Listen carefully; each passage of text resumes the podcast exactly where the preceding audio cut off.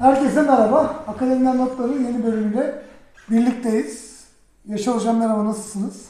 Merhaba, teşekkürler Orçuncuğum. İyiyim. Sen nasılsın? Ben de iyiyim hocam. Ee, Akademiden Notların ilk bölümlerinde canlı olarak kaydetmiyorduk. Bunları öncelikle kaydedip daha sonradan aslında canlı olarak e, yayınlıyorduk. Fakat pandemiyle beraber biraz e, iş modelinde tırnak içinde bir değişiklik yapmıştık. Ama şimdi tekrardan bir nostalji olması açısından eskisi gibi banktan bir e, kayıt gerçekleştirip bunu ilk gösterim olarak yayınlamayı planlıyoruz. Çok yoğun bir hafta var çünkü önümüzde. Hem açık bilim konferansı var Perşembe günü. Sonra Cuma Wikidata İstanbul konferansı ve önümüzdeki haftada açık erişim haftası. E, bu haftada aslında e, temel olarak açık bilimle ilgili son gelişmeler neler? Belki açık bilim konferansına da bir e, giriş yapmak açısından iyi olur diye e, düşünmüştük. E, bu arada yeni e, düzenle belki hem ses hem de görüntü olarak bir takım sıkıntı olabilir. Değerli izleyicilerimiz bu ufak e, ayrıntılara çok fazla takılmasınlar. Hocam e, uzun süredir aslında açık erişim ve açık bilimle ilgili konferans serileri devam ediyor. E, çok büyük bir özveriyle. Burada tabii birçok e, alanda çalışan arkadaşımız var. E, fakat e, buradaki aslında açık bilim ve açık erişimi e, biz hep iki farklı yapı olarak değerlendirdik ama en azından konferans bağlamında. Fakat bunlar tabii çok iç içe geçmiş yapılar. İkisi de birbirini etkiliyor. Hem açık bilim, açık erişim, açık erişim, açık bilim zaten birbirinin içine geçmiş kavramlar. Ama bugün biraz daha belki e, hem dünyadaki hem de Türkiye'deki gelişmelere şöyle bir e, yakından bakarız diye e, düşünüyorum. Nasıl başlayalım hocam? Son gelişmelerle ilgili neler aktarmak istersiniz? Teşekkür ederim. Bu program yayınlandığında İstanbul'daki Açık Bilim Konferansı bir günlük yapılmış olacak. Gerek İstanbul'daki Açık Bilim Konferansı'nda gerekse izleyen haftadaki e, Uluslararası Açık Erişim Haftası'nda temel e, konu o e, açıklık, özellikle de iklim adaleti için açıklık e, olacak. Bu çerçevede e, belki de bu program aracılığıyla son özellikle bir yıl içerisinde e, bu alanda meydana gelen değişmeleri konuşalım istedik e, bu akademiden notlarda. Belki daha spesifik noktalara e, girmeden önce senin sözünü ettiğin bu o açık bilim, açık erişim, açık veri vesaire konusunda aslında şemsiye kavramının açık bilim olduğunu e, vurgulamakta yarar var. Tabii e, şemsiye kavram açık bilim olunca o, o şemsiye kavramın belli boyutlarını oluşturan e, bazı e, hani kavramlar diğer o şemsiye altında yer alan açık erişim, açık veri vesaire için de geçerli oluyor. En önemli konular biliyorsunuz açık bilimde ortaya çıkan işte bir e, işin kapsayıcılık ve işbirliği boyutu var. Bir e, işin erişilebilirlik boyutu var e, ve yeniden kullanım boyutu. Bir de saydamlık, şeffaflık boyutu var. Dolayısıyla bu açık bilime ait genel boyutları aslına bakılırsa hem açık erişime, hem açık veriye, hem açık teknolojiye, hem açık ders malzemelerine vesaire uygulamak mümkün. Elbette her e, açık parantez içerisinde neyse onunla ilgili bir şeyden söz etmiyoruz. Çünkü açık erişimdeki örneğin şeffaflıkla ilgili e, konularla teknolojiyle ilgili olan da birbirinden çok farklı olabilir. Yani ne bileyim patentlerdir, şudur budur vesaire. Dolayısıyla onların detayına girmeyeceğim ama bu o açık bilimle ilgili boyutlar e, herhalde dinleyici, izleyicilerin de dikkatini çekecektir. İlk söylendiğinde elbette pozitif bir e, şey uyandırıyor, izlenim uyandırıyor değil mi? Yani kapsayıcılık gibi, işbirliği gibi, e, şeffaflık gibi, e, erişilebilirlik Yani en gibi. azından bugüne kadar biz bunları hep Evet. pozitif kavramlar olarak gördük ve işte toplumlar arasındaki bu uçurumu veya fırsat eşitsizliğini bir şekilde giderecek Hı hı. araçlar olarak Hı değerlendirdik. hı.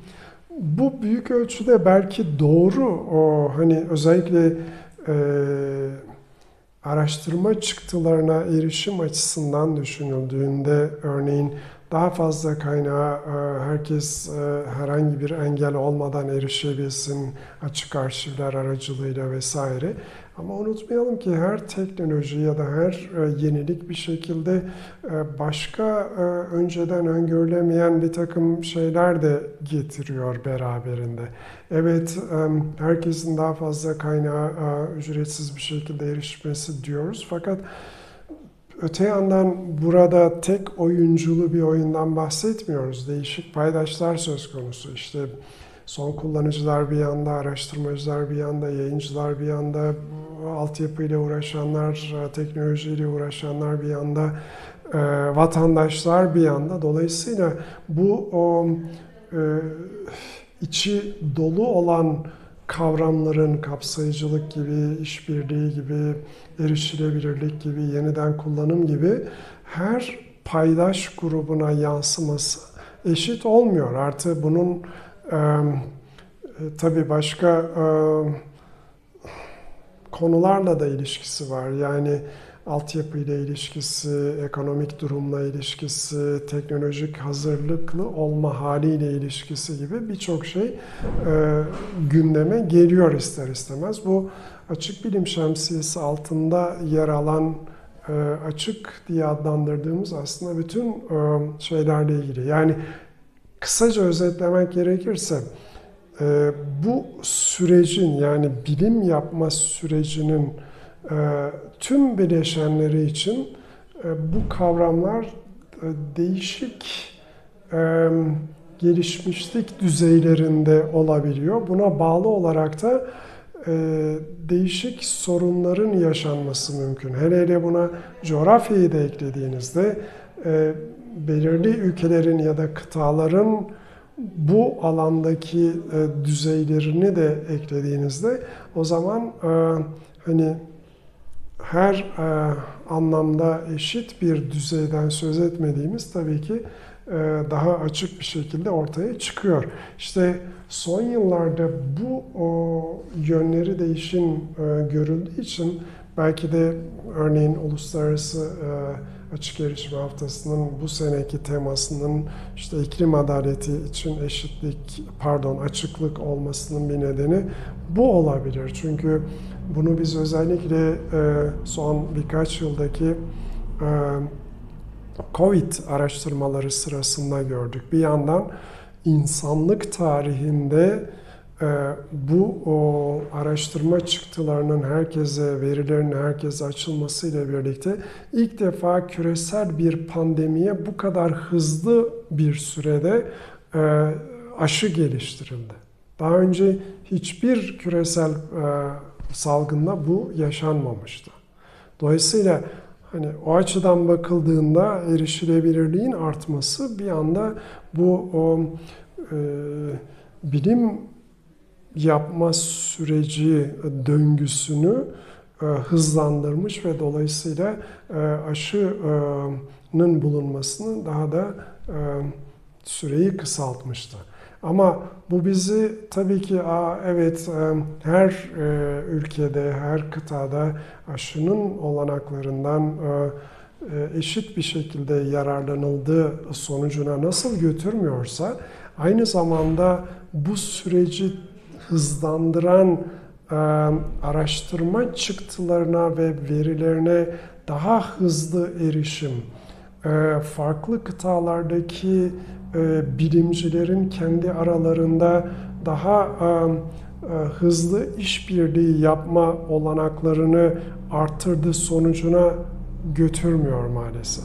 Yani örneğin işte belki kaynakların ve altyapının daha e, iyi olduğu ülkelerde bu o araştırma çıktılarına, verilerine daha hızlı e, erişilmiş ve bu sürece daha e, fazla katkıda bulunulmuş olabilir. Ama öte yandan bu tür altyapısı ve kaynakları olmayan ülkelerdeki araştırmacılar örneğin bu o tür e, imkanlara daha gecikmeli olarak e, erişebilirler ya da hiç erişemediler. Son kullanıcılar açısından da e, aynı şey söz konusu. İşte o nedenle e, son birkaç yıl içerisinde bu o yönü işin gündeme gelmeye başladı. UNESCO gibi işte Avrupa Birliği gibi bir takım hani uluslararası e, e, örgütlenmeler de e, açık bilim çerçevesinin bu tür küresel sorunları çözerken eşitlik e, ve hakkaniyet e, unsurlarının da gözünün göz önünde bulundurulması gerekliliğini açık açık dillendirmeye başladılar. Bu açıdan da sanıyorum ki e, en azından Uluslararası e, Açık Erişim Haftası'nın temasının hani iklim adaleti için açıklık diye adlandırılması üstü örtülü olarak bu konuda bir adaletsizlik olduğu değil mi vurgusunu getirmiş oluyor. Peki hocam yani burada açık bilimle açık erişimle veya diğer açık kavramlarıyla ilgili değil bu herhalde. Yani ortaya çıkış felsefesiyle ilgili değil. Bir şekilde bu yaşanan yani açık bilimle ilgili işte belirli bir pandemi sürecinde altyapı oluşturuldu fakat bu altyapıya da ulaşamayanlar var dediğimiz zaman aslında açık bilimin veya açık erişimin felsefi yapısıyla pek ilgisi yok bunun öyle değil mi? Yani ilk başta ortaya çıkan yapı içerisinde hani burada bu adaletsizlikleri işte bilgi erişimle ilgili bir takım bariyerleri ortadan kaldırma durumu söz konusuydu. Ama bu belki de hani yayıncılar olsun, diğer bu konulardaki paydaşlar olsun. Onların belki de bu gelişmeler karşısında aldıkları pozisyonla da biraz değişmiş oldu. Yani işte biz açık erişimi istediğimiz zaman, açık bilimle ilgili farklı araçlar geliştirdiğimiz zaman bunun daha fazla aslında fayda sağlayacağını düşünmüştük. Ama bu belki son gelişmelerde bugünlerde tartışılan konulardan biri de aslında bu. Yani açık bilimle ilgili yapılan bu gelişmeler, açık erişimle ilgili yapılan bu gelişmeler acaba bu konularda işte özellikle yayıncıların ve diğer paydaşların farklı yaklaşımlarıyla bir takım yeni meydan okumalar mı gerektirecek veya işte çözülmesi gereken başka problemlere mi yol açacak gibi bir durum oldu. Bunu aslında biz mesela yeşil yol, altın yolda da birazcık yaşamıştık öyle değil mi? Yani e, makale işlem ücretiyle ilgili e, bir çözüm önerilmişti. Böyle çözülebilir açık erişim diye ama bir baktık burada ikili ödeme e, sistemleri devreye girmişti. İşte açık bilim içerisinde de aslında benzeri çalışma olacak. E, önümüzdeki haftalarda konuşacağız ama e, elmas açık erişim yöntemi geldiği zaman bunun da aslında e, bazen maliyetleri arttırdığını veya ikili ödemeye doğru yönelttiğini görüyoruz. Aslında bu çıkış felsefesi değil de bu felsefeye karşı belki bundan zarar görebilecek veya kendi ticari kaygılarından dolayı bunun farklı bir noktaya gelmesi de aslında işin sıkıntı olan tarafı. Yani bunu belki topluma anlatmak çok kolay değil çünkü bilim camiası içinde de bu konularda hep farklı görüşler var. Siz de daha önce bahsetmiştiniz. Bu Plan S ile ilgili de mesela benzer bir çalışma oldu. Yani ilk ortaya çıkışı bunlarla ilgili bir problemi çözmek üzerine, açık erişim, açık bilimi yaygınlaştırmak üzerine ama burada tekrardan bir e, belki de yeni bir problem oluyor. E, sözü size bırakmadan bir parantez açayım, ilginç bir örnek vereyim. E, MIT'nin bu açık ders malzemeleriyle beraber çok büyük bir ilme kazandı. Ve bunlar mesela e, açık kitlesel derslere dönüştü. Bu çok güzeldi çünkü birçok farklı okul bu işin içine girdi ama e, son günlerde ben derslerde bakıyorum. Bu açık kitlesel dersler belirli tarihlerde verilmeye başlandı. E, işte diyor ki 16 Ekim'de başlayacak. e, bir ay boyunca bu dersleri alabilirsin. Bir ay sonra bu içeriğe erişemeyeceksin gibi. Yani buradaki yapı da aslında buna benzer bir çalışma. Yani belli bir şekilde artış gösteriyor. E, çok fazla içerik üretiliyor veya bunlarla ilgili çalışma oluyor ama bu bir noktadan sonra tekrardan yeni sorunları da ortaya çıkartıyor. Belki açık bilimdeki gelişmeleri bu anlamda değerlendirmek lazım. Hani yapılan gelişmeler e, nerelerde çıkmazla neden oldu, bir çıkmaz yol ortaya koydu ama nerelerde de bununla ilgili bir e, çözüm yolu oluştu. Belki de siz daha önce bahsetmiştiniz yani son yıllardaki kazanımları belli ölçülerde kaybettiğimiz bazı gelişmeler de aslında bunlarla beraber ortaya çıkmış oluyor. Hı hı. Yani e, şeye katılıyorum hani felsefe açısından bakıldığında elbette hani açıklık sonuçta e, gerek toplumsal olarak e, gerekse bu tür e, bilim yapma biçimimizle ilgili olarak e, hani yüceltmemiz gereken şey e, açık toplum vesaire falan diye düşündüğümüzde. Evet. Ama e, belki e, spesifik olarak açık erişimle ilgili örnekler vermeden önce e, şu örneği e, verip e, işin paydaşlarına nasıl yansıdığı konusunda ne tür e, eşitsizlikler, hakkaniyetsizlikler oluşabiliyor ondan bahsedebiliriz. E, Covid sırasında elbette e, herkes neredeyse hazırsızlık, e, hazırlıksız yakalandı. Bizim e, uzaktan eğitim, öğretim işlerini bir düşünelim. İşte EBA kuruldu vesaire falan.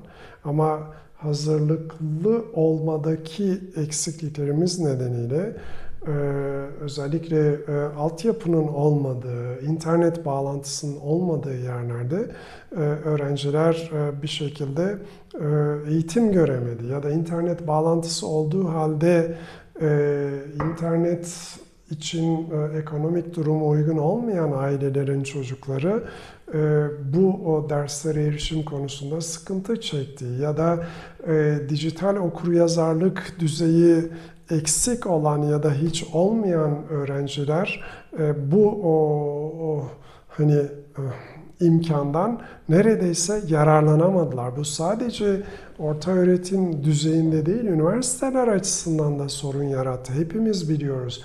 E, paydaşlar olarak sadece öğrencileri düşünmemek lazım. Aynı zamanda e, e, öğretmenleri de, öğretim üyelerini de düşünmek lazım. Onların ne kadar hazırlıklı olup olmadığını bir şekilde hepimiz tecrübe ettik. Yani belki de birçok kişinin o zaman internet hızını bir şekilde hissettiğini gördük. Yani işte 4.5G vesaire gibi neredeyse 10 küsur belki de daha uzun bir süreden beri telekomun özelleştirilmesinden bu yana fiber optiğe e, yatırım yapılmamasının bizi nereye getirdiğini gördük. Şimdi felsefi açıdan bakıldığında evet yani e, hem uzaktan hem yüz yüze eğitim verilsin, en iyi şekliyle verilsin. E, teknoloji bize bu imkanı veriyor ama gel gelelim böyle bir küresel salgınla karşılaştığımızda e, geleneksel usullerle bir şekilde hani öğrenime öğrenim fırsatı yakalayan grupların bu o küresel salgın sonucu gelişmelerden daha hani eşitsizlik açısından düşünüldüğünde daha az yararlandığını, daha çok sorun yaşadığını gördük. İşte açık bilim şemsiyesi altındaki diğer kavramlar açısından da aynı şey söz konusu oldu. Burada da gene hani tek oyuncular, yayıncılar değil, son kullanıcılar var. İşte bugün vatandaş biliminden söz ediyoruz. Altyapı ile ilgili olan kuruluşlar var. Biraz önce senin sözünü ettiğin açık arşivlerimiz var. Bunun dışında bir şekilde bize bu o hani birlikte çalışabilirlik e, olanaklarını sağlayan teknoloji firmaları var vesaire vesaire. O açıdan düşünüldüğünde de olayı e, bütünü içerisinde değerlendirmek gerekiyor. Yani örneğin biraz önce sözünü ettiğin e, işte nasıl yayınlayalım ki bu o, e, yayınlara daha fazla kişi e, daha kolayca ve mümkünse ücret ödemeden erişebilsin. Evet ama e, bir şekilde e, faturayı kimin ödediği bir şekilde şuradan şuraya geçebiliyor ya da fatura birdenbire ikiye katlanabiliyor. Bu da eşitsizliği tetikleyen unsurlar haline geliyor. Daha somut örnek vermek gerekirse e, diyelim ki açık e, erişimle ilgili olarak e, bu zamana kadar hani 30 yıl gibi bir geçmişi e, olmasına e, karşın maalesef e, sürekli olarak e, işte e, e, yayıncıların bastırmasıyla telif haklarını e, yazarların da e, ücretsiz olarak yayın evlerine e, devretmeleriyle hep e, yeşil açık yol yani işte son kopyaların e, vesaire açık arşivlerde depolanıp herkesin erişimine açması öne çıkıyordu.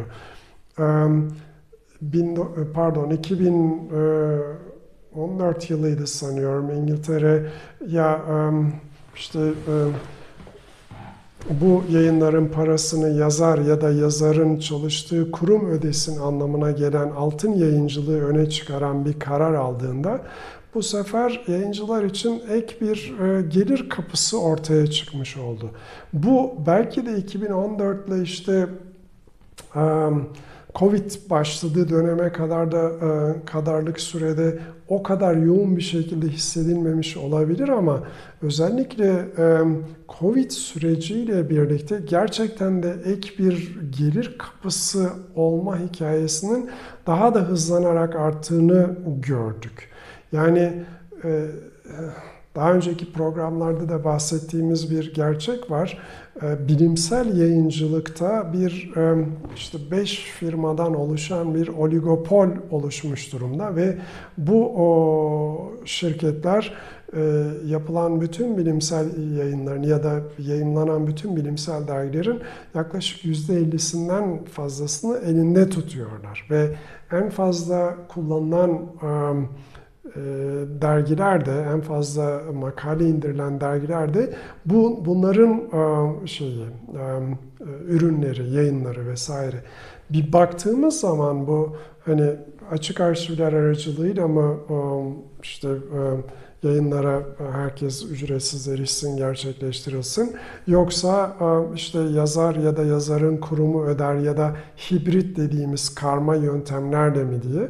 Orada son yıllardaki hani ek gelir kapısı e, olma hikayesine baktığımızda katlandığını görüyoruz. Yani öyle ki mesela bu e, oligopol oluşturan e, yayıncılardan bir tanesinin portfolyosuna baktığınızda yüzde sekseni hibrit yayınlardan daha doğrusu yayınlanan makalelerin yüzde sekseni hibrit. Bu da nedir? Ee, evet geleneksel olarak ben bir dergi yayınlıyorum ama telif hakları e, nedeniyle burada e, yayınladığınız şeyi işte ambargolardan sonra ancak açabilirsiniz gibi bir e, şey oluşuyor. Öte yandan hibrit dediğiniz anda aynı dergi içerisinde eğer yazar ya da yazarın kurumu olarak öderseniz onun içerisindeki tek tek makaleler bu ödemeye bağlı olarak yayımlanabilir diye. Bunun yanı sıra bu tür hibrit, yap, hibrit yapıların yanı sıra aynı yayın evi bir sene içerisinde 200 dergi e, yayımlıyor. Sadece parasını yazar ya da yazarın kurumu öder olarak. Bu da bizi e, bir şekilde e, ek bir gelir kaynağı elde etme kapısı olduğuna götürüyor bir bakıma. Bir başka yayın evi o beşli içerisinden Onda tam tersi bir durum görüyoruz. O ise işte yayınlarının yüzde e, kaç 70'ten fazlasını bu sefer tamamen hani altın yayıncılık dediğimiz parasını veren yani tamam dergideki bütün yayınlar açık erişim ama benim modelim e, yazar ödeyecek ya da yazarın kurumu ödeyecek. Dolayısıyla da ben yayımlanır yayımlanmaz bunu herkese açacağım e, şeklinde. Şimdi peki bunun eşitsizlik neresinde diye sorabilirsiniz örneğin bununla ilgili olarak. Eşitsizlik işte tam da orada e, maliyetin kime e, yüklendiği ile ilgili.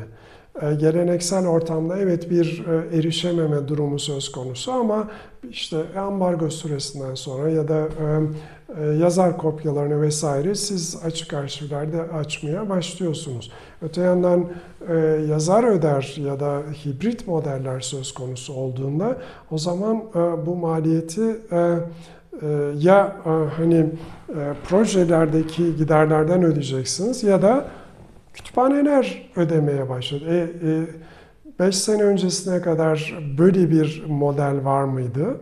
Hayır yoktu. Bir anda e, hani e, yıldan yıla e, abone yenileyen ya da e, e, sözleşme yenileyen kuruluşlar bu sefer yayıncıların e, bu tür e, hani e, hibrit ya da e, altın e, yol aracılığıyla e, açtıkları yayınlar için kaynak bulundurma söz konusu olmaya başladı. Araştırmacılar açısından da aynı şey söz konusu. Onlar da bir an önce yayınlamak istiyorlar değil mi? Yani e, dolayısıyla e, parasını verip işte hızlı e, Yayın. yayın yapma vesaire gibi bir takım şeyler ortaya çıktı. O zaman bu bizi şunu bizi şuraya götürüyor. Ee, Son yıllarda özellikle Plan S ile birlikte gündeme gelen dönüştürücü anlaşmalar dediğimiz ve yayıncıları yayınladıkları dergileri belirli bir süre içerisinde, bunun için verilen sürede işte iki yıl içerisinde doluyor. E, Portfolyosundaki bütün dergilerin de yayınlanan makaleleri açık hale getirme gibi bir zorunlulukla karşılaştığında yayıncılar bu sefer demin sözünü ettiğim ek gelir kapısı olarak görme olayını hani e, birden e, tamamen yazar öder ya da yazarın kurumu öder modeline uygun yeni yeni dergiler çıkararak buna cevap vermeye başladılar. Ama otomatik olarak bunların zamanı geldiğinde örneğin bütün portfolyolarındaki bütün dergileri buna çevirecekler mi? Bilemiyoruz ama sanki daha çok hibriti tercih ediyorlar gibi bir izlenim var. Burada somut olarak da şey vermek gerekirse son yıllarla ilgili bir şey yok elimde ama mesela sadece bu 5 yayın evine yönelik olarak 4 yıl içerisinde bu tür hani altın ya da hibrit yayın yaparak yaklaşık 1 milyar doların üzerinde bakın gelir demiyorum. Ek gelir kazandıklarını ortaya koyuyor. Stephanie Hostin ve araştırma grubunun yaptığı bir çalışmaya bakılırsa. Dolayısıyla hani bugün yayıncılara sorduğunuzda hiçbiri neredeyse yani bildiğim kadarıyla açık erişime karşı değil. Neden peki? Yani ek gelir elde etmelerinin ya da dönüştürücü anlaşmaların payı yok mu diye düşünülebilir. Ha peki eşitsizlik neresinde bunun? Kendinizi e, bir ortalama bir makale için e, makale işlem ücreti denilen e, 3000 doları ödeme sorunuyla karşı karşıya olan bir e, araştırmacı olarak, bir öğretim üyesi olarak düşünün. Hocam bir de bunun mesela Türkiye'deki yansımaları da çok ilginç oluyor. Bu makale işlem ücreti ödediğiniz e, derginin e, sorgulanması bu sefer gündeme gelebiliyor. Evet, evet. Yani burada e, hem akademisyenler açısından aslında hem de toplum açısından bu sefer parayla yayın yapılıyor tırnak içinde yapıyla gerçekten makale işlem ücreti ödeyip e, düzgün bir şekilde işleyen bir dergi arasında bir farklılık kalmayabiliyor veya açık erişimde yer alan bir derginin işte kalitesiyle ilgili tartışılabiliyor vesaire yapılabiliyor. Yani bir baktığınız zaman aslında birçok farklı açılardan bir çıkmaza girdiğimizde söyleyebiliriz. işin o boyutu seksi olduğu için daha çok ilgi çekiyor belki ama bizim sormamız gereken soru aslında şu. Bunu daha önceki akademiden notlar programlarında da gündeme getirmiştik. Ee, şimdi e, ek gelir vesaire diyoruz. Peki şu soruyu soruyor muyuz kendimize? Ya siz ekstradan e, bu kadar parayı pompalayabiliyorsanız e, e, hibrit yayıncılık ya da altın yayıncılık için peki bu kaynak e, araştırma altyapısının daha da güçlendirilmesi için harcansa ticari yayın evlerine aktarmak yerine daha iyi olmaz mı sorusunu adreslemekten kaçınıyoruz. Şimdi esas önemli olan bu. Yani hani iş yapma biçimimizi değiştireceksek eğer bu iş yapma biçimimizden en azından hani bu bilimsel e, araştırma yapma döngüsü içerisindeki paydaşların daha çok yararlanmasını, e, son kullanıcıların, vatandaşların daha e, çok yararlanmasını öne çıkarmalıyız yayıncıların yayın, e, yararlanmasından önce öyle değil mi? Ama biz bu soruyu cevaplamaktan e, kaçınıyoruz. Yani biz derken Türkiye anlamına konuşmuyorum sadece. Türkiye daha da tabii farkındalık açısından geriden izliyor ama genel olarak e, bilim camiasına bakıldığında da e, şey yapıyoruz. Bu da biraz önce sözünü ettiğimiz e, gelişme hiçbir yerde her e, alanda, her bileşende eşit olmuyor ama e, bundan e, hani yararlanma konusuna baktığımızda şu anda maalesef hani bilimciler, araştırmacılar, son kullanıcılardan çok daha farklı bir kesimin yararlandığını görüyoruz. O zaman bu açık bilim çerçevesinin de bu yönde geliştirilmesi, düzeltilmesi gerekliliği ortaya çıkıyor. Onun için zaten UNESCO işte e,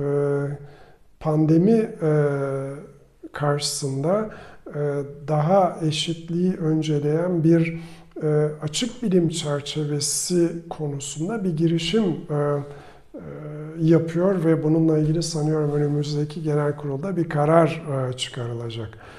Aynı şey tabii ki sadece küresel salgınla ilgili değil, iklimle ilgili olarak da söz konusu. Diğer çözümü daha zor olan 2030 ee, sürdürülebilirlik amaçlarıyla ilgili görülen işte sağlık vesaire konularında da yapılması gerekiyor. Onun için de e, belki de işin bu yönünü daha çok görmeye başlayacağız. Yani biraz önce açık e, e, erişimden, açık bilimden söz ederken mesela Amerika Birleşik Devletleri bu sene içerisinde 2014 yılında çıkardığı açık erişimle ilgili kararı güncelleştirip yeniden e, bir memorandum yayımladı. Burada eskiden kabul edilebilir olan e, işte 6 ay ile 12 yıl arasındaki pardon 12 ay arasındaki ambargo sıfıra indirilmiş durumda. Yani vergi veren eğer karşılıyorsa o araştırmanın parasını e, hemen açılması gerekir şartı getirildi. Aynı şekilde eğer vergi veren karşılıyorsa, federal bütçeden karşılıyorsa, e, büyüklüğü ne olursa olsun araştırma bütçesi, bütün bu bunların çıktılarının, e, araştırma makalelerinin, işte verilerinin vesaire açık e, olması şeyini getirdi. Bu açıklıkta nasıl olursa olsun anlamına yani ister açık arşivler aracılığıyla ister altın e, yol kullanılarak yayın yapılmış olsun, ister hibrit olsun e, biçiminde. Ama e, şunun da sorgulanması özellikle Plan S ve Amerika Birleşik Devletleri'ndeki bu karar sonrası sanki acil olarak yapılması gereken bir işmiş gibi gözüküyor buna bana. Yani ya acaba bu o anlaşmalar, dönüştürücü anlaşmalar, bu modeller re harcanan para daha verimli olarak kullanılabilir mi? Genel araştırma altyapısını desteklemek için kullanılabilir mi diye sormamız gerekiyor. Acilen bunu belki de gündemin en üst sıralarına taşımamız gerekiyor diyorum. Çünkü ister istemez biraz önce senin sözünü ettiğin e, özellikle araştırmacılara yönelik kısmı e, gündeme geliyor. İşte daha hızlı yayın yapılması, kariyer açısından özellikle erken döneminde bulunan kişilerin bu maliyeti nasıl karşılayacakları, projelerin alınması vesaire falan ama büyük resme baktığınızda da arzulanan şey herhalde bilimle toplum arasındaki açıklığın kapatılmasına vesile olmasını bekleriz biz açık bilim ya da açık şemsiyesi altında düşündüğümüz her şeyin. E, bunu o yapabilmek için de e, yani hem kapsayıcılık açısından hem erişilebilirlik açısından hem e, saydamlık açısından o, o açıklığın azalıp azalmamasını ölçmemiz gerekiyor. Gördüğünüz gördüğün gibi yani son derece e, ee, çok denk yani denklem açısından bakıldığında, oyuncu sayısı açısından bakıldığında karmaşık bir süreçten söz ediyoruz. Böyle olunca da çözümü zor sorunlar tabii ki e, bu açıdan önemli. İşin ekonomik yönü var, işin politik yönü var. Yani siyasi karar alınması gerekiyor bunlarla ilgili olarak. Ve belki de daha da önemlisi hani bu tür konularda radikal değişim ihtiyacının bütün oyuncular tarafından e, kucaklanması gerekiyor. Bu söylenmesi kolay ama yapılması zor bir şey. Yani kendinizi ister öğretim üyesi yerine koyun, ister e, fon destekleyici kurum yerine koyun, ister vatandaş yerine koyun, ister e, bu tür hizmetleri sağlayan e, kütüphane, arşiv ve bu altyapılardan sorumlu olan kuruluşlar yerine koyun. O zaman hani kucaklamaya, radikal değişimi kucaklamaya ne kadar e, istekli olduğunuz, nerede bulunduğunuzda, o, o sürecin hangi aşamasında bulunduğunuzda ve ne kadar kaynağınız olduğuyla ilişkili oluyor. Onun için de zaten bu tür sorunlara wicked sorunlar deniliyor. Yani çözmesi zor olan, bırakınız çözmeyi tanımlaması bile zor olan, tanımlamasında bile herkesin e, uyuşmadığı sorunlar bunlar. Hocam aslında yani bakıldığında ortada bir sorun yok da denebilir. Yani akademik açıdan baktığınız zaman bu çalışmaların tamamı kamu kaynaklarıyla oluşturuluyor. Bu kamu kaynakları oluşturulduktan sonra bu yayınların açık erişimde olmaması mümkün mü denebilir. Ama daha önceki programlara hatırlarsanız baktığımızda bir yandan sıralama takıntısı var. Bir yandan akademik yükseltmeler var. Bir yandan yayınla veya işte öl, perişan ol yaklaşımı var. Aslında bu sürekli olarak birbirini destekleyen sorunların da büyümesini bu anlamda arttıran bir çalışma. Yani sizin e, herhangi bir kurumsal arşivde çalışmanızı yayınlayıp o yaptığınız çalışmayı herhangi bir dergide yayınlamadan ama yine belki akran değerlendirmesi, hakem değerlendirmesinden geçecek farklı modeller de öneriliyor. Daha önceki programlarda buna da bakmıştık. Örneğin e, işte bu yayınlama sürecini e, Avrupa Birliği karşılasın bunlar bir kurumsal arşivde yer alsın. E, bu şekilde bir çalışma da oluşturulabiliyor ama biz ne zaman böyle bir yolun içine girsek, ne zaman burada biraz ilerlesek, burada bir anda belki birkaç adım geriye düştüğümüz e, bir takım gelişmeler de oluyor. Aslında burada belki akademinin de veya işte buradaki karar vericileri ikna etmeye çalışan topluluğun da kafası karışık. Yani neden biz o ilk yıllarındaki e, ya ben belki de takıldım ama yani o yeşil yolun e, sonrasındaki alternatifler geldikçe işin daha karmaşık bir hale geldiğini ben düşünüyorum. Yani bizim açık erişime ilk konuşmaya başladığımız zamanlarda tamam sen e, kendi kopyanı yayınlayabilirsin. Önemli olan buna erişim kısmından işte çok farklı modellere doğru geçiyor ve bu her yeni model aslında işi daha da e, çetrefilli bir hale getiriyor. Ve işte bugün makale işlem ücretinin e, bu sefer kimin tarafından ödenmesi gerektiğiyle ilgili sorulara cevap vermeye çalışıyoruz. Veya işte e, hibrit bir model olmasına çalışıyoruz. Bu daha da bence işi zorlaştırıyor. Yani fon sağlayıcılar açısından da bence zorlaştırıyor.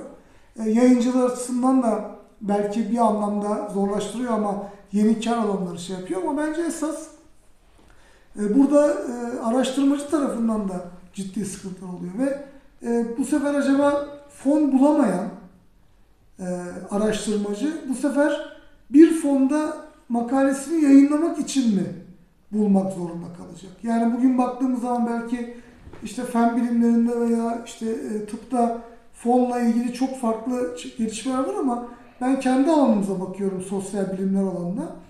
Yani sizin belki de alacağınız bütün fonu yayın için harcamanız gerekiyor. Bu açıdan baktığımızda. Yani belki burada bir sadeleşmeye mi gitmek lazım? Şu andaki modeller üzerinde bir sadeleştirme mi yapmak lazım? Çünkü e, bu belki de yayıncıların da işine geliyor. Bu kadar fazla modelin olması, daha karışık bir yapının ortaya çıkması.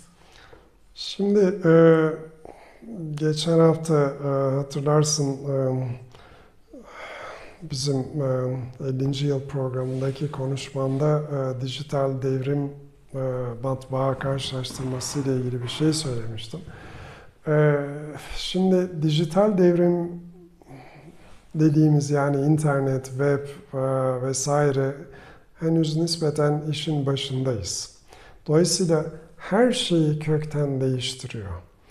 E, o açıdan bakıldığında da ben işlerin sadeleştirileceğini değil daha da karmaşık hale geleceğini düşünüyorum. Çünkü her e, e, sektörü e, derinden etkileyen bir takım gelişmeler yaşıyoruz. Yayıncılıktan tutun da e, işte e, altyapıya kadar ya da e, hakemlikten tutun da işte kullanıcıların nasıl eriştiğine, eriştikleri şeyi nasıl manipüle ettiklerine ya da edip edemediklerine kadar her şeyi etkiliyor. Dolayısıyla bunların kolay bir çözümü yok belki ama ister istemez bizim hani aldığımız kararlarla ya da kaynakları nereye yönelttiğimizde e, ilgili olarak belki de önceden öngöremediğimiz bir takım gelişmeler ortaya çıkıyor. İşte bunlardan bir kısmına sen değindin. Mesela ben belki başka bir programın konusu ama e, örneğin e, akran değerlendirmesi kavramının belki de e, en azından şu anda bildiğimiz şekilde devam etmesinin mümkün olmadığını düşünmeye başlıyorum. Neden dersek yani biraz de var iyi işleyen. Ha.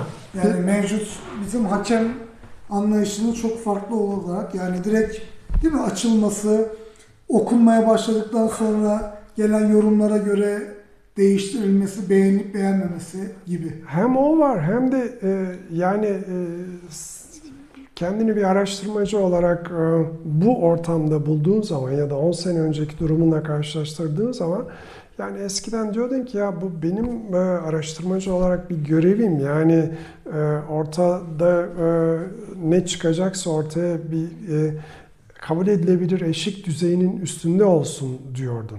E ama şu anda her gün e, sana bir sürü şey ya hakemlik yapar mısın buna vesaire.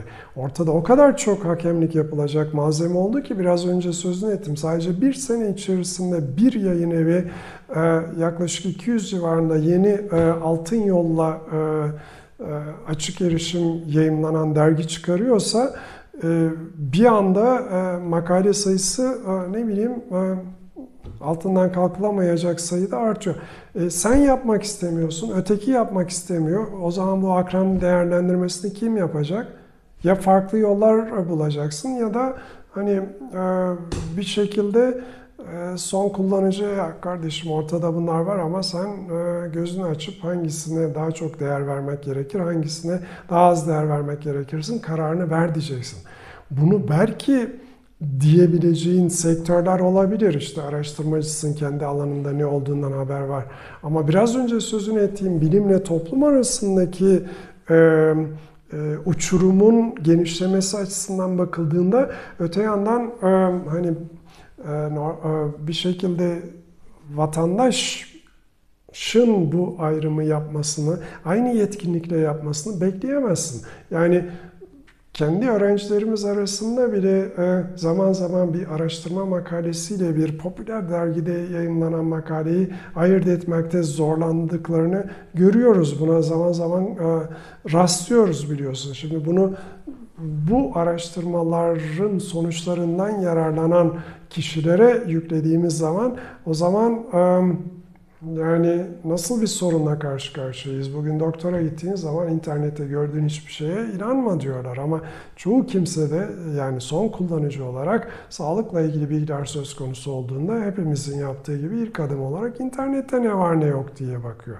Şimdi tamam orada bir güvensizlik uyandırmış olabilirsiniz ama kalkıp da e, bilimsel dergilerde yayınlanmış olanlarla ilgili olarak da bunu son kullanıcı olarak sen yapmalısın dediğinizde o zaman sorun var. Yani bunu araştırmacı düzeyinde bile yapamıyoruz. Biraz önce konuşuyorduk hani vatandaş işte e, belirli bir konuda araştırmacı, e, akademisyen olarak çalışıyor ama hangi dergide yayın yapacağı konusunda e, sorun yaşıyor gibisinden. Doğru olabilir. Bu da e, hani yayın mecralarının, yayın sayısının her şeyin artmasıyla yakından ilgili. Hocam bu bizim programlarda bir de hani bir çözüm görmek isteyenin daha çok tartışmaya yönelmesi, daha çok o e, kavramın içerisinde e, soru işaretleriyle karşılaşması söz konusu oluyor. Aslında hani belki de bilimin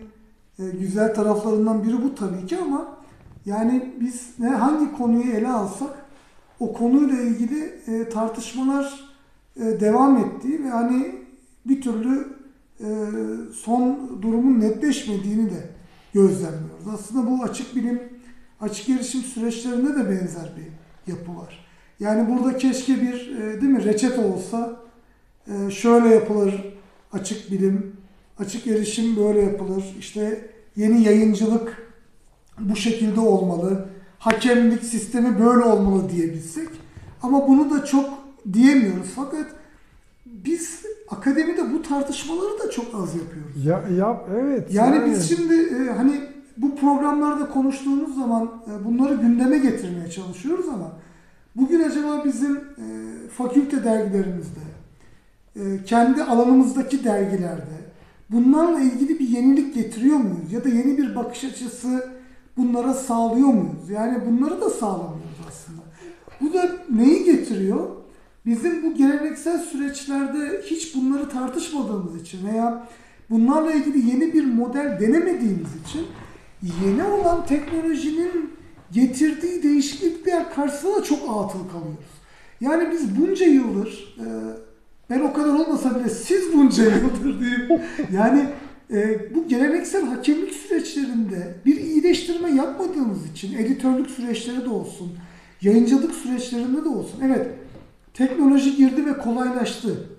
Ama o kolaylaşma süreci kolaylaştırdı. Yani felsefi anlamda kolaylaştırmadı ki o e, hakemlik süreçleri vesaire ama bugün bir anda gelince önümüze bu çalışmaların e, bu şekli iyice çözümsüz hale geliyor. Yani e, ne yapabiliriz? Bu e, geniş kitlelerin katılımını sağlayacak e, işte sadece kütüphanecilikle ilgili, sadece bilgi bilimiyle ilgili kişiler değil ama yani bu bilimin genel yapısını bu süreçler içine getirmek gerekecek. Sizin tabii e, belki bu günlerden sonra yayınla ilgili çok fazla bir şeyiniz olmuyor. Yani orada daha e, şöyle söyleyeyim yani daha dikkatli bir şekilde veya daha idealist bir şekilde bunları yapabilmeniz mümkün hale geliyor. Ama özellikle değil mi kariyerinin ilk yıllarında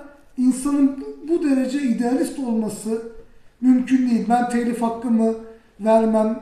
İşte ben e, bu konuda işte şöyle hakemlikte dikkat ederim. Bunları yapalım demesi çok kolay. O zaman burada topyekün bir e, belki de bu işin içinde yer almak gerekecek. İşte o topyekünlük kısmında e, esas sorun. Yani e, hani bu o çevre taramasını ya da son zamanlarda kullanılan biçimiyle ufuk taramasını e, aslına bakılırsa özellikle e, paydaşlardan hani e, bilimcilerin, araştırmacıların çok sıkı bir şekilde yapması gerekiyor. Evet, hani onlara hizmet veren ne bileyim açık arşivlerde çalışanlar vesaire falan da yapacak ya da editörler de vesaire yapacak ama o, o onu biraz şey yapıyoruz ve bir de hani hangi model olursa olsun hani e, vardır ya İngilizce'de işte e, bedava öğle yemeği yoktur gibi bir e, sözcük. Bir şekilde bunun bir ödeyeni var. Yani açık hakemlik dediğin zaman da ödeyeni var. Elmas dergi yayınlama dediğin zaman da ödeyeni var. Ee, ne bileyim işte açık arşivler aracılığıyla, yeşil yol aracılığıyla erişilsin dediğin zaman da var. Ama biz bunlar yokmuş gibi davranıyoruz. Var aslında. Yani e, şöyle düşünelim. Kolay mı hani e, bir şekilde e, ne bileyim hakemlikten sonraki kopyayı açık arşivlerde erişimi açmak için yapılan işlemler ücretsiz mi bunlar? Değil. Öte yandan ee, işte e, açık hakemlik vesaire dediğimiz şey biraz önce belki iddialı oldu ama hani peer review, akran değerlendirme belki de ortadan kalkacak e, diye. Bunun da bir şeyi var. Yani bunlar belki doğrudan senin cebinden çıkmıyor ama kütüphanenin cebinden çıkıyor, araştırmayı yapan kişinin cebinden çıkıyor, üniversitenin cebinden çıkıyor vesaire. Aynı şekilde e, elmas yayıncılık yaptığın zaman da e, bunun giderlerini e, ödeyen birileri var. Yani bun, bun, bunları aslında demin sözünü ettiğim o çevre taraması, ufuk taraması ya da topyekun bakma söz konusu olduğunda değişik sektörlerdeki kişiler değişik şekillerde yaşıyor. Yani sorunla karşılaşmadıkça onlara e, hani ya bu tür sorunlar var dediğinde çok e, şey olmuyor. Ne zaman ki o sorunla kendisi karşılaşıyor ha e, gibi geliyor. Burada e, bir şey söyleyeyim yani ileriye yönelik olarak da zaten şu anda örnekleri var. Yani ne kadar güvenirsin, ne kadar güvener, güvenmezsin ayrı ama tıpkı hani hakemlikleri e, yapay zeka destekli programlar yaptığı gibi makaleleri de e, bu tür e, şeylerin yazdığı bir durum da var aynı zamanda araştırma açısından bakıldığında. Ya oku bakalım bu yani içinde yeni bir şey var mı? E, bizim için okuyacak çok şey var. Bunu yapabilecek durumda değiliz ama yavaş yavaş teknolojiler de o yöne evrilmeye başladı güllük gülistanlık diye söylemiyorum bunu ama yani bilgisayarların makaleye başlamaya, yazmaya başladığının üzerine en azından e, bir on yıllık bir süre geçti. E, bunları yavaş yavaş görmeye başladık.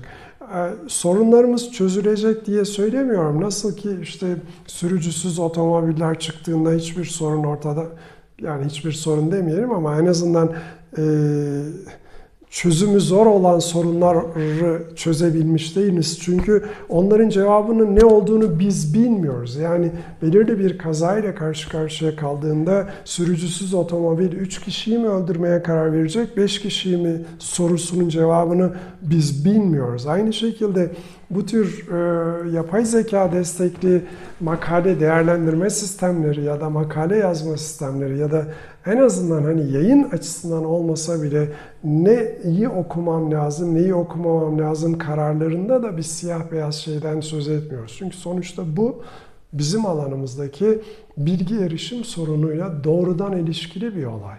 Ee, o da e, hani matematiksel bir şey değil o açıdan bakıldığında. Hocam bu yeni yayıncılık süreçleriyle ilgili ben size hayalimi söyleyeyim. Yani kafamdakini söyleyeyim. Ve bunun hani akademi tarafındakini yani belki böyle bir modeli deneyecek birileri olabilir. Yani ya da bu denenebilir bir e, işte şey yapılabilir, bir prototip yapılabilir ama yani siz bilimsel araştırmanızı yapın. Fon da alabilirsiniz, almayabilirsiniz de. Ve bunu yayınlayın kendi kurumsal arşivinizde farklı dergilerde olabilir, açık erişimde vesairede. Ve sonuç itibariyle bu herhangi bir hakem değerlendirmesinden geçmediğini düşünün. Ama siz bu normal e, standart yayıncılık süreçleri için daha önceden yaptığınız gibi bunu yaptığını düşünün. Fakat bu ne zaman bir değerlendirme sürecine girmesi gerekiyor? Bu o zaman bir değerlendirme çalışmasına tabi tutulabilir. Yani bugüne kadar siz 20 tane, 15-20 tane makale yazdınız. Bunları kurumsal arşivde yayınladınız veya farklı bir ortamda yayınladınız. Ama siz bir akademik yükseltme alacağınız zaman doçentliğe başvuracaksınız. Yeniden atama olacak, profesörlük ataması olacak. Ya da bir iş yerine başvuracaksınız. O zaman size denebilir. Yani senin elindeki bu portföyünden güvendiğin iki tane, üç tane, kaç tane yayının varsa bunu getir, bunu bir değerlendirelim. O anda ama değerlendirelim. Yani aslında dünyadaki farklı sektörlerdeki çalışma bu şekilde devam ediyor. Yani siz böyle bir yazılım yapıp da bir e, tasarım yapıp da bu tasarımı gönderip de hakemden e, orasını burasını değiştirip düzeltip de ondan sonra yayınlamıyorsunuz ki. Ya o sizin entelektüel birikiminizin dışa vurumu yani. Bu entelektüel birikiminizi siz ürüne dönüştüreceksiniz. Sonra e, Yaşar Tonta başka bir üniversiteye mi başvurmak istiyor? Bir kuruma mı başvurmak istiyor? Bir araştırma merkezine mi başvurmak istiyor? Burada o yayınlarla ilgili bir değerlendirme yapılsın. Yani bunu Türkiye'deki üniversiteler yapmıyor mu? Mesela Bilkent Üniversitesi bir atama yapacağı zaman bunu dış paydaşlardan bu atamayla ilgili bir destek almıyor mu? Alıyor. Farklı vakıf üniversiteleri bunu yapmıyor mu? Yapıyor. Hacettepe Üniversitesi YÖK'ten doçentliğini almış bir öğretim üyesini tekrardan doçentliğe atamak için bir değerlendirme yapmıyor mu hiç değerlendirme? Hı hı. Yani benzeri bir süreç olabilir ya da işte bunun prototipi belki olabilir. Çünkü yani bu sizin belirttiğiniz gibi bir e, yayın evi 200 tane yeni dergi çıkartıyorsa bir sene. bunu e, bir sene bunun hakemliğini kim yapacak? Bunun e, makale işlem ücretini kim ödeyecek? Bunun takibini kim yapacak yani? İşte yani e, bu Yani zamana kadarki modelde çıkartılıyor? bütün bunları e, Ama tabiri hocam, caizse beleş olarak parası, maaşı kamu tarafından ödenen üniversite profesörleri, öğretim Evet, üyeleri vesaire yapmış Ama hocam, çoğunlukla. Evet ama artık bu altından kalkılacak bir yük değil Yani yani. işte onun için diyorum. Şimdi burada e, 4-5 yıl demişler. Umut Hoca buradan e, ona da sevgilerimizi iletelim. Yani böyle 3-4 yılları 4-5 yıllara çıkan süreler olduğundan bahsetmişti yani. Yani Evet. sıraya Hı hı. giriyor makale. tabii tabii. Yani ben Yani- derslerde bahsediyorum. Yani eskiden e, makale ve dergi çok hızlı bir şekilde bilgi erişimdi. Bence şu anda öyle değil yani. Şu anda sizin e, bugün okuduğunuz bir makale en azından 2-3 yıl önce araştırması tamamlanmış bir makale oluyor. İşte yani. demin sözünü ettiğim o dijital devrim hikayesi. Eskiden yani kağıt üzerine bastığın için bir sayıya koyabileceğin makale sayısı kısıtlıydı. Şimdi öyle bir şey söz konusu değil. Hatta yani e, 8-10 tane makaleyi bir sayının içine hapsetmek de anlamını yitirmiş bir şey. Tabii, tabii. Yani onun için zaten e, her ne kadar hala dergi adları var ise de e, süresi biten e, değerlendirmesi yapılmış olan makaleye pekala çevrim içi olarak online first denilen şekilde erişebiliyorsunuz. Yarın öbür gün o kapak da belki de olmayacak. Hani bu yıllardır söyleniyor ama hala yayıncılar bir şekilde dergi adları ya da sayı e, Referans şeyini verme Ha. üzerinde Ha, hala yaşıyor. Tamam ama yani e, ben size sana şunu söyleyeyim. Hocam yani, ben parantez açayım o sayfa işinden de vazgeçelim lütfen. aslında bu yeni değil. Ta 30 sene önce dile getirilen bir şey. Henüz daha web ortamında e, daha doğrusu e, World Wide Web öncesinde yayımlanan e, elektronik dergilerde ya sayfanın ne işlevi var ki Buradan deniliyor. PDF'e hapsedilen makalelerin çığlığını paylaşmak istiyorum. Şimdi burada şunu söylemek isterim. Yani e, değerlendirme ile ilgili olarak uygulamalar var kuşkusuz. Senin söylediğine yakın şeyler. Ama hani bu o, ne zaman e, e, ne derler varsayılan değerlendirme biçimi olacak. Yani şöyle söyleyeyim. İşte yakın zamanda bir dosya geldi. E, 68 eser var içerisinde. Kitap da var, bilmem ne de var. Şimdi bunu iki ay içerisinde değerlendirmem bekleniyor. Yani e, bu işi layıkıyla yapabilmek için hani bütün diğer e, görevlerini vesaire Şu anda düşündüğünde alandaki e, yükselme bekleyen arkadaşlar kaç tane yayınımız var diye bakıp bunu keşfediyor olabilirler hocam. neyse yani e, sayı yaklaşık öyle diyelim. Tamam. Ama e, 60 ile 70 arasında bir yer. E, sözü şuraya getirmek istiyorum. Yani e, zaten bu iş kolay bir iş değildi ama özellikle biraz önceki gelişmeler sonucu işte açık bilimdeki, açık erişimdeki vesaire e, araştırma değerlendirmeyi de bizim gözden geçirmemiz gerekiyor. Hatta bu yıl içerisinde çok yeni bir e, şey kuruldu, um, koalisyon kuruldu. E, COARA diye yani ara, araştırma değerlendirmeyi geliştirme koalisyonu. COAR biliyorsun o, şeydi e, açık erişim arşivlerinin Arşivlerinin, konfederasyonuydu. Bunun sonuna A eklendiğinde açılımı tamamen farklı. Araştırma değişti, e, değerlendirmenin geliştirilmesi koalisyonu. Ne yapacak bu? Yapacağı şeylerden bir tanesi de yani bu ortamda hani dijital e, gelişmelerin yarattığı ortamda e, yayıncılığın büyük ölçüde değiştiği bir ortamda açık hakemliğin e, işte e, daha e, çözünürlük düzeyi yüksek e, araştırma çıktılarının, verilerinin vesaire yayımlandığı ortamda acaba araştırma değerlendirmede ne tür bir reform yapmamız gerekiyor? Kaldı ki gene bununla bağlantılı çok yakın bir gelişme de e, Avrupa Üniversiteler Derneği, e, Bilim Avrupa ve e, bir oyuncu daha var adını hatırlayamadım.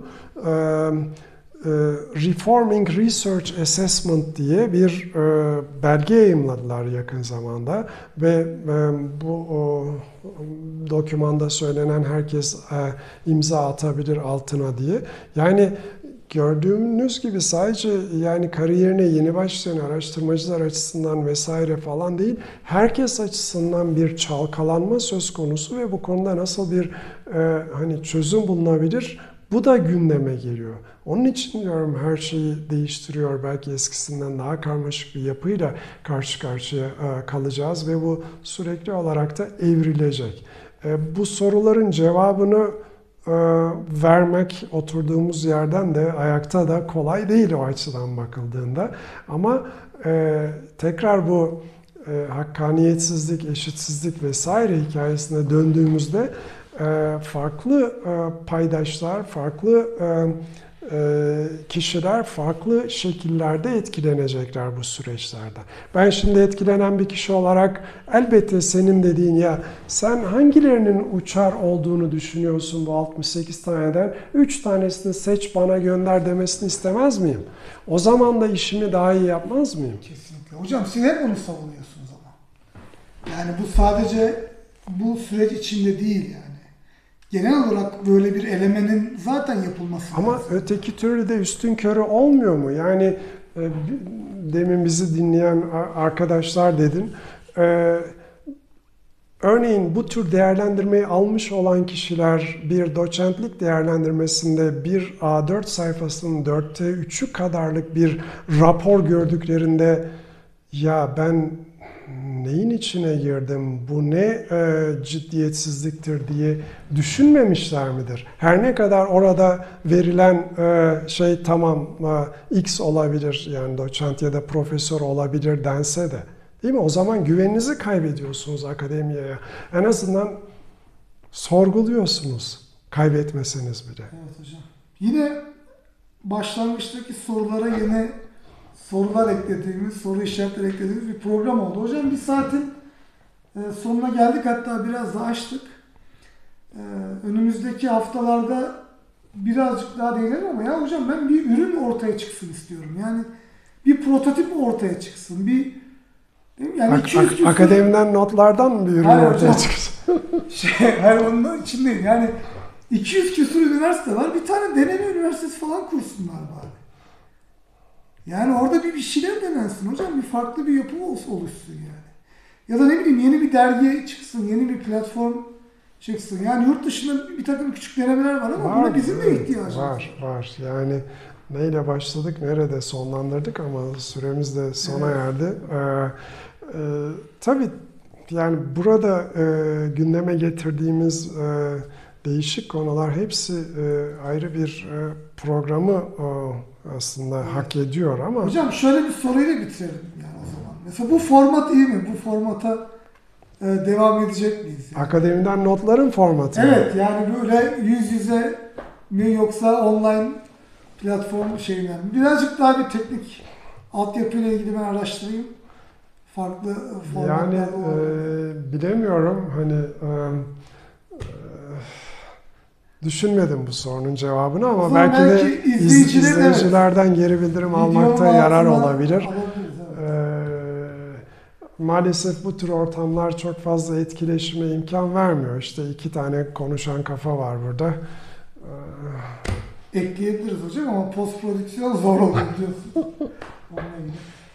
Evet, e, bir akademiden notların daha sonuna geldik. E, Yaşar hocama ben yine çok teşekkür ediyorum. Gerçekten üzerine konuşulması gereken, tartışılması gereken, akademinin topyekün üzerinde düşünmesi gereken konular.